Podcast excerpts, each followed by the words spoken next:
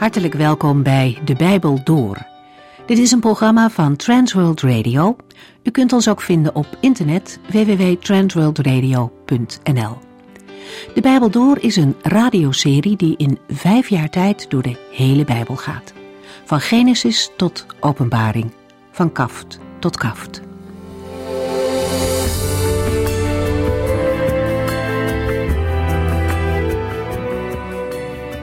Als u misschien iets meer wilt weten over deze serie of vragen heeft, belt u ons dan 0342 478432.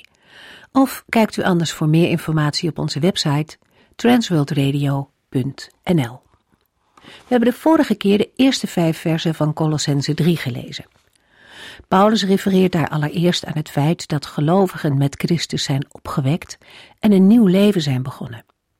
De praktische consequenties daarvan komen in hoofdstuk 3 en 4 aan bod. Allereerst is het belangrijk om te beseffen dat de Heer Jezus na zijn opstanding en terugkeer naar de hemel daar aan Gods rechterhand zit. Hij heeft de hoogste plaats gekregen.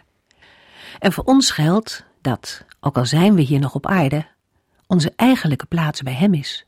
Wij zijn hemelburgers op aarde. Dat tekent ons leven en ons gedrag. Die wetenschap is het uitgangspunt van wat we doen. In ons leven komt Hem de eerste plaats toe, en wat we doen en laten vloeit daaruit voort. Paulus roept de Colossenzen op om hun gedachten te richten op de dingen die van de hemel zijn en niet die van de aarde. En omdat we bij de hemel horen, hebben we een naam hoog te houden. Helaas gaat dat ook best wel eens vaak mis. Maar dat betekent niet dat we geen moeite meer hoeven te doen. Om het christen zijn in de praktijk te brengen, hebben we het denken van Christus nodig. We moeten bezig zijn met de hemelse dingen. En dat zal zijn uitwerking hebben op ons gedrag. Wanneer onze gedachten vol van Jezus Christus zijn, dan kan dat zijn uitwerking niet missen. Denkend aan het tijdelijke van deze wereld en ook van dit leven, wordt het ook vanzelfsprekend om moeite te doen voor de dingen die blijvend zijn. Van de energie die we in de aardse beslommeringen steken, blijft uiteindelijk niets over. Maar alles, hoe klein het ook mag lijken, wat we doen voor de Heere God, dat houdt zijn waarde. In de versen die we vandaag gaan lezen zet Paulus scherp neer wat het verschil is tussen een leven in zonde en de nieuwe manier van leven die bij de Heere God hoort. We gaan luisteren naar Colossense 3 vanaf vers 6.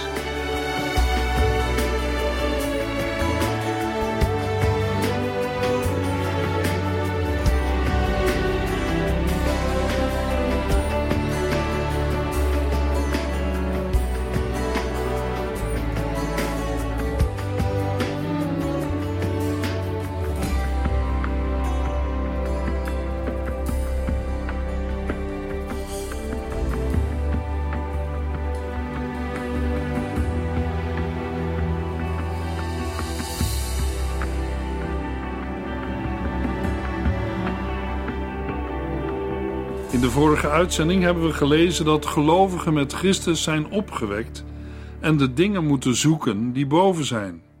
Kortom, zich moeten bezighouden met hemelse zaken. Hun leven, nu verborgen in God, zal met de wederkomst van Christus glorieus naar buiten treden. Daarom moeten de gelovigen de oude mens met zijn slechte verlangens en hebzucht afleggen en de nieuwe mens aandoen Gelovigen moeten zichzelf doodhouden voor verkeerde verlangens, seksuele zonde, genotzucht, trots en hebzucht. Dat is nooit makkelijk en daarom moet een christen elke dag een bewuste beslissing nemen om naar de wil van de Heere te leven en mag hij daarbij vertrouwen en steunen op de kracht van de Heilige Geest. Maar iedereen die een andere keuze maakt en de oude mens niet aflegt en voor dood houdt, moet daarvan de consequenties zelf dragen. Colossense 3 vers 6 God zal de mensen die deze dingen doen vreselijk straffen. Gods toorn komt over hen die de aardse zonden uit vers 5 doen. We lazen in de vorige uitzending Efeziërs 5 vers 6, waar Paulus schrijft: Laat u niets wijsmaken door hen die proberen zulke zonden goed te praten want God zal mensen die dat soort dingen doen vreselijk straffen. In 1 Thessalonicense 4 vers 6 wordt de waarschuwing van Paulus herhaald. Benadeel en bedrieg uw medemens op dit gebied niet. Wij hebben u gewaarschuwd dat als u zulke dingen doet, de Heer u daarvoor zal straffen. Degene die Gods wil verwerpt, verwerpt God zelf en zal daarvan de gevolgen moeten dragen. In 1 Thessalonicense 4 vers 8 schrijft Paulus: Wie dit afwijst, is niet ongehoorzaam aan mensen, maar aan God, die ons zijn Heilige Geest geeft. De Heere zal de mensen die deze dingen doen ter verantwoording roepen en hen straffen. Met straf of toorn wordt de toekomstige straf van de Heere bedoeld, die ongehoorzame mensen bij zijn beoordeling en oordeel zullen ontvangen. Voor de woorden de mensen staat in de Griekse tekst zonen van de ongehoorzaamheid. De uitdrukking komt ook voor in de Griekse tekst van Efeziërs 2 vers 2. U liep met de grote massa van deze wereld mee en deed dezelfde slechte dingen als zij. U gehoorzaamde de duivel, de leider en vorst van de geestelijke machten in de lucht, die nu nog actief is in de mensen die God ongehoorzaam zijn. Met mensen die God ongehoorzaam zijn, worden mensen bedoeld die aan het evangelie van Jezus Christus ongehoorzaam zijn. Dat wil zeggen, mensen die ongelovig blijven en niet in de Heer Jezus Christus geloven. 2 Thessalonicense 1 vers 8 tot en met 10. Dan zal hij, de Heere, allen straffen die niets van God willen weten en hun oren dicht houden voor het goede nieuws van onze Heer Jezus. Hun straf zal de eeuwige veroordeling zijn. Zij zullen voor goed van de Heere en zijn ontzagwekkende macht gescheiden worden. Dat zal gebeuren op de grote dag waarop hij komt om geëerd te worden, te midden van hen die hem toebehoren, en bewonderd te worden te midden van hen die op hem vertrouwd hebben. En u zult daarbij zijn, omdat u hebt geloofd wat wij u over hem verteld hebben. De liefdevolle God en Vader van onze Heer Jezus Christus is ook een straffende God voor allen die zijn liefde in Christus afwijzen. Waarom? Dat hebben we gelezen in Romeinen 5, vers 8 tot en met 10. Maar God heeft ons zijn grote liefde getoond door Christus te sturen en hem voor ons te laten sterven toen wij nog schuldige zondaars waren. Wij zijn dus voor God rechtvaardig geworden door het bloed van Christus. Des te meer zal Hij ervoor zorgen dat Gods vreselijke oordeel aan ons voorbij gaat. Vroeger waren wij vijanden van God, maar doordat Gods Zoon zijn leven voor ons gaf, is die vijandschap veranderd in vriendschap. Van nature zijn wij mensen onderworpen aan Gods toorn, maar Gods liefde voor ons is zo groot dat Hij ons volledig gratie heeft verleend. Colossense 3, vers 7. Vroeger, voor uw bekering, deed u deze dingen ook. Net als de andere gelovigen van niet-Joodse afkomst, deden de gelovigen in Kolosse de in de eerste verse genoemde dingen ook. In de Griekse tekst wordt de uitdrukking in de zonde wandelen gebruikt. Het is een typerende uitdrukking van de nieuwtestamentische schrijvers, vooral Paulus. Dezelfde uitdrukking wordt gebruikt bij Methuselah en Abraham. Zij wandelden met God. Ook in het Oude Testament wordt wandelen in figuurlijke zin gebruikt. Ook vandaag is het mogelijk dat een gelovige zonde in zijn of haar leven toelaat. Aan welke zonden Paulus concreet denkt, wordt duidelijk in het vervolg. Colossense 3 vers 8 Maar nu mag er bij u geen sprake meer zijn van bitterheid, woede en boosaardigheid, van roddel en vuile taal. Maar nu, dat is vanaf het moment dat de gelovigen het nieuwe leven hebben ontvangen. Nu moet u al het kwaad dat met dit nieuwe leven niet overeenstemt, afleggen. De in vers 8 genoemde zonden hebben alle te maken met relaties tussen mensen onderling. Bitterheid heeft te maken met boosheid en wrok. Het is gericht op het handhaven van eigen recht, kortom, een zelfzuchtige boosheid. Als bitterheid in een mens opkomt, moet deze worden bedwongen. In Efeziërs 4, vers 26 lezen we: Als u kwaad bent, laat dan geen wrok in uw hart opkomen, want dan zondigt u. Zorg ervoor dat u boosheid voor het einde van de dag weer kwijt bent. Woede heeft vrijwel dezelfde betekenis als boosheid, wrok en bitterheid. De woorden komen in de Bijbel voor als synoniemen of als parallellen in de Hebreeuwse dubbelversen.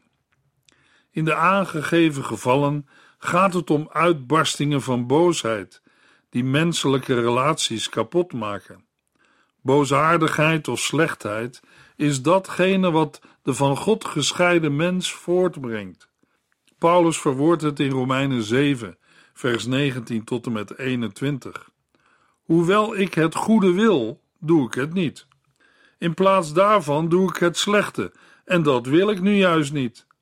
Als ik doe wat ik niet wil, doe ik dat eigenlijk niet zelf, maar de zonde in mij. Zo ervaar ik steeds weer: als ik het goede wil doen, kan ik het niet laten het slechte te doen. De betekenis van boosaardigheid is ongeveer even ruim als zonde. We lezen in vers 8 verder en komen bij roddel of laster. Het is kwaadsprekerij met het doel de naam of de reputatie van God of een medemens te schaden. Vuile taal omvat alle grove, beledigende en obscene taal en vloeken, kortom het misbruik van woorden in de ruimste zin. De genoemde zaken zijn dingen die gelovigen moeten afleggen, zoals een mens kleding uittrekt of aflegt. In de Griekse tekst wordt het woord afleggen ook gebruikt. Paulus zegt dat we verkeerde gewoontes moeten afleggen als vuile kleren. Colossense 3 vers 9 Lieg niet tegen elkaar. Dat hoorde bij uw oude leven, waarmee u hebt afgerekend. Door leugens wordt wantrouwen gezaaid en daardoor wordt er scheiding gebracht tussen mensen. Paulus roept in Efeziërs 4 vers 25 op: Houd op met liegen. Vertel elkaar de waarheid, want wij horen bij elkaar en zijn delen van hetzelfde lichaam. Juist tussen gelovigen onderling kan dit niet. Zij behoren samen tot het ene lichaam van Christus. Opnieuw herinnert Paulus de Colossense aan het feit dat de oude mens, de zondige natuur, het oude leven met Christus is gestorven.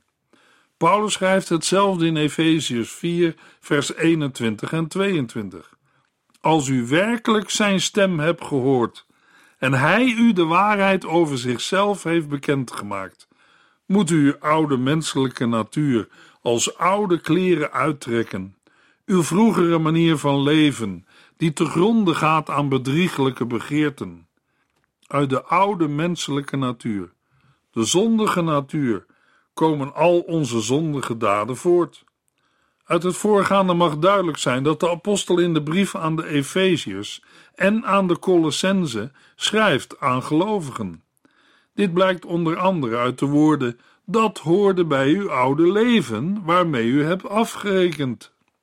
Is het mogelijk dat een christen liegt? Dat lijkt een vreemde vraag, maar dat is het niet. Het antwoord is ja. Maar dat betekent niet dat de persoon in kwestie zijn of haar redding of verlossing heeft verloren. Het betekent wel dat bij de persoon in kwestie de oude mens weer de kop opsteekt. In 1 Johannes 2, vers 1 tot en met 6 schrijft de apostel Johannes: Kinderen, ik zeg dit om u van de zonde af te houden. Maar als iemand zondigt, hebben wij een rechtvaardige advocaat die ons verdedigt bij de Vader, Jezus Christus. Hij nam de straf voor onze zonden op zich en verzoende ons zo met God. Hij is het offer voor onze zonden en niet alleen voor de onze, maar ook voor die van de hele wereld. Hoe kunnen wij er zeker van zijn dat wij bij Hem horen? Als we doen wat Hij zegt. Als iemand zegt dat hij Hem kent, maar niet doet wat Hij zegt, is hij een leugenaar. Zo iemand doet de waarheid geweld aan. Maar wie doet wat God van hem vraagt, is vol van zijn liefde. Daaraan is te zien of u christen bent of niet. Ieder die zegt één te zijn met hem, moet leven zoals Jezus leefde. Het Griekse werkwoord voor liegen betekent liegen, maar ook bedrieglijk handelen en bedriegen. Liegen houdt in de eerste plaats in in strijd met de waarheid spreken, onwaarheid spreken. Soms worden er inhoudelijk vergelijkbare uitdrukkingen in de onmiddellijke context gevonden, zoals misleiden of bedriegen en zeggen dat je iets bent terwijl het niet zo is. Samen met de ontkenning niet wordt het gebruikt om te benadrukken dat iemand niet liegt, maar de waarheid spreekt of schrijft. In de tweede betekenis komt het werkwoord liegen neer op bedrieglijk of vals handelen, zich bedrieglijk betonen, zoals in Handelingen 5, vers 4, waar we lezen: U hebt niet tegen mensen gelogen, maar tegen God. Een iets andere manier van uitdrukken vinden we hier in Colossense 3, vers 9, waar in het Grieks een voorzetsel is gebruikt: lieg niet tegen elkaar. Als er een leidend voorwerp bij staat, gaat het om iemand bedriegen, bijvoorbeeld iemand vals behandelen of iemand ernstig misleiden. Dit woordgebruik komt in het Nieuwe Testament alleen voor in Handelingen 5, vers 3, waar de Heilige Geest genoemd wordt als degene die bedrogen wordt. Liegen is iets dat diep in het menselijk hart ligt geworteld en komt helaas ook onder christenen veel voor, of beter gezegd, Christenen geven er vaak aan toe. Colossense 3, vers 10. Maar nu bent u een nieuwe mens, die nog steeds groeit en God beter leert kennen. Zo zult u meer en meer gaan lijken op God, die u gemaakt heeft. Toen de oude mens werd afgelegd en begraven, werd op datzelfde moment de nieuwe mens aangedaan, het nieuwe leven ontvangen. Een nieuwe natuur, namelijk de natuur van Christus. Deze nieuwe mens wordt aanhoudend vernieuwd tot volle kennis, waarmee bedoeld wordt dat de gelovige steeds beter de wil van de Heere gaat verstaan, om vervolgens de Heer ook steeds meer te gehoorzamen. De nieuwe mens is naar het beeld van God geschapen. De achtergrond hiervan is Genesis 1, vers 26 en 27 waar de Heere de eerste mensen schiep naar zijn beeld en gelijkenis. Toen door de zonde dit beeld verloren ging, kwam de tweede of laatste Adam, Jezus Christus. Hij is het beeld van de onzichtbare God en zijn beeld mogen de gelovigen dragen. In 1 Corinthians 15, vers 49 lezen we: Zoals wij op de aardse Adam lijken, zullen wij ook op de hemelse Christus lijken maar nu bent u een nieuwe mens. Dat wil ook zeggen dat de gelovigen als nieuwe mensen moeten gaan leven, door de kracht van de Heilige Geest. Het is niet vanzelfsprekend dat iedere gelovige dat ook gelijk doet. Paulus schrijft aan de gelovigen in Korinthe, in 1 Corinthians 3, vers 1 tot en met 3: Broeders en zusters, toen ik bij u was, kon ik u nog niet toespreken als geestelijke mensen. U leidde uw eigen leven en deed uw eigen zin. Uw verhouding met Christus was nog zo pril dat ik u alleen maar melk kon geven. Vast voedsel was te zwaar voor u, en dat is helaas nog steeds het geval. Ook nu nog wordt u door uw eigen verlangens beheerst. Want als u jaloers bent en elkaar niet kunt verdragen, wordt u blijkbaar nog door uw eigen verlangens beheerst dan bent u net als de ongelovige mensen. Het beheerst worden door eigen verlangens geeft de oude mens de kans de kop op te steken. Dan is een gelovige niet vol van de Heilige Geest, maar meer van zichzelf. Paulus wijst iedere gelovige op zijn of haar nieuwe positie in Christus. Maar nu bent u een nieuwe mens, die nog steeds groeit en God beter leert kennen. Zo zult u meer en meer gaan lijken op God die u gemaakt heeft. Een gelovige blijft ook niet altijd een geestelijke baby, maar mag groeien en de Heere beter leren kennen. Juist in dat groeiproces zal een gelovige steeds meer op de Heere mogen gaan lijken en zijn heerlijkheid en liefde mogen gaan weerspiegelen. als een mens de aardse zonde heeft afgelegd, het oude leven heeft uitgedaan als vieze oude kleren en de nieuwe mens heeft aangedaan, dan zal een gelovige in een geestelijk groeiproces steeds meer op Christus gaan lijken. Daarmee herinnert Paulus de gelovigen aan hun toewijding en spoort hen aan trouw te blijven aan hun geloofsbeleidenis. Een gelovige leert met vallen en opstaan de Heere steeds meer te gehoorzamen. Zijn vormingsproces gaat altijd door. Er is geen excuus om doelloos rond te dobberen in het leven. Het is een geweldige uitdaging om te ontdekken hoe rijk het is in hem te groeien. Gelovigen hebben oefening, geduld en concentratie nodig om steeds naar de wil van de Here te leven. Colossense 3 vers 11 In dit nieuwe leven is het van geen enkel belang van welke nationaliteit of ras u bent, en evenmin welke opleiding of maatschappelijke positie u hebt. Het gaat om Christus, die alles in allen is. In dit nieuwe leven met Christus is er geen sprake van onderscheid op grond van nationaliteit, Griek of Jood, godsdienstige achtergrond, besneden of onbesneden zijn, cultuur, barbaar of skiet, en sociale klasse, slaaf of vrije. In Gelaten 3 vers 28 wordt ook nog het onderscheid tussen man en vrouw genoemd. Zelfs de meest fundamentele verschillen tussen mensen worden in Christus opgeheven. Barbaren waren de niet-Grieken, zij die geen deel hadden aan de Griekse cultuur. Langzamerhand veranderde de betekenis van het woord barbaar in de zin zoals wij die kennen. In Romeinen 1 vers 14 vinden we barbaren als synoniem voor onwetende of zonder beschaving. In verschillende vertalingen worden de Skieten genoemd als een voorbeeld van barbaren.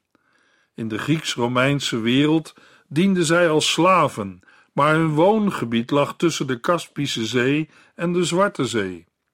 Paulus schrijft in Colossense 3 vers 11: Het gaat om Christus, die alles in allen is. Luisteraar, dat is een van de mooie dingen van de kerk of de gemeente van Christus. Hoe verschillend de gelovigen ook zijn, ze zijn één in Christus geworden. Colossense 3 vers 12 God heeft u uitgekozen en houdt van u. Kleed u daarom met innerlijk medeleven, goedheid, nederigheid, zachtaardigheid en geduld. Vanaf vers 12 werkt Paulus uit wat het aandoen van de nieuwe mens praktisch inhoudt, namelijk het zich kleden of aandoen van het karakter van Christus, het beeld van God. Door de Colossense aan te spreken als uitgekozenen of uitverkorenen van God, benadrukt Paulus dat het initiatief tot het uitkiezen van de Heer is uitgegaan. De gelovigen zijn, net als Israël, Gods uitverkoren en geliefde volk. Dat heeft niets te maken met de opvatting dat de kerk in de plaats van Israël is gekomen. Nee, in de gemeente van Christus is er geen onderscheid meer tussen Joden en niet-Joden. In de Griekse tekst staat voor: kleed u daarom met innerlijk medeleven, goedheid, nederigheid, zachtaardigheid en geduld. De zin: doet dan aan als door God uitverkoren heiligen en geliefden, innerlijke ontferming, goedheid, nederigheid, zachtmoedigheid en geduld. Heilig betekent letterlijk apart gezet voor de Here, maar houdt ook in dat een gelovige overeenkomstig die positie moet leven. Innerlijke ontferming of innerlijk medeleven associeert met het Griekse woord voor ingewanden. Het wordt vaak gebruikt om het innerlijk van een mens aan te geven, als zetel van menselijke bewogenheid en ontferming. Als we van de Heer Jezus lezen dat hij met innerlijke ontferming werd bewogen, dan staat dat voor een diep meevoelen met mensen in nood en de bereidheid om hen te helpen. Goede tierenheid is een goedheid en mildheid die een weerspiegeling is van Gods goedheid voor de mens.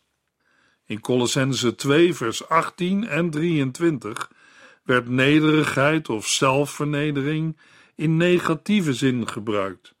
Maar in Colossense 3, vers 12 spoort Paulus de gelovigen aan tot een positieve nederigheid, in de zin van respect voor en dienstbaarheid aan de naaste.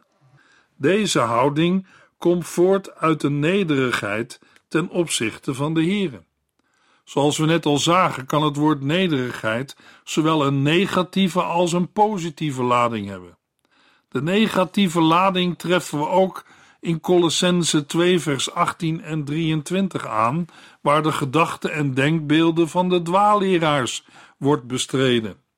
Maar op andere plaatsen in het Nieuwe Testament geeft het een instelling aan die past bij een mens die zijn plaats weet ten opzichte van de Here.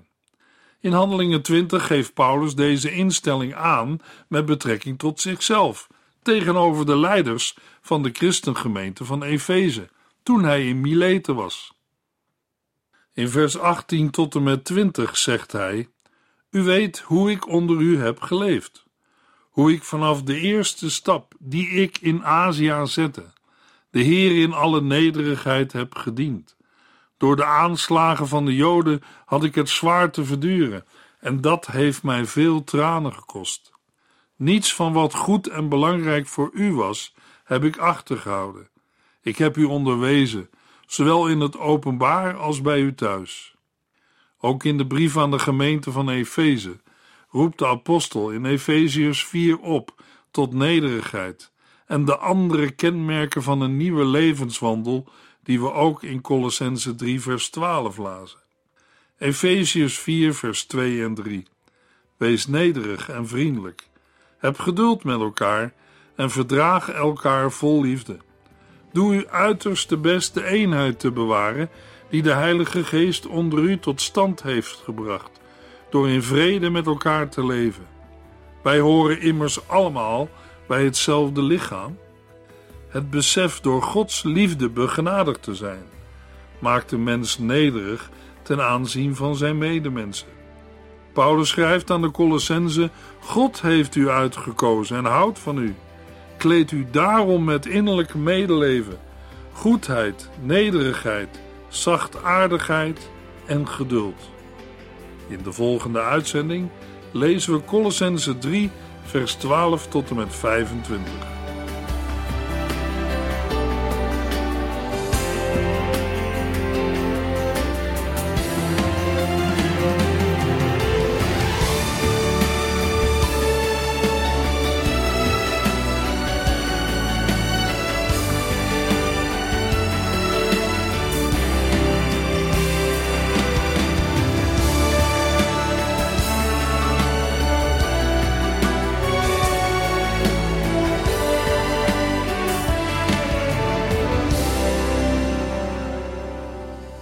Eindigt deze aflevering van De Bijbel Door.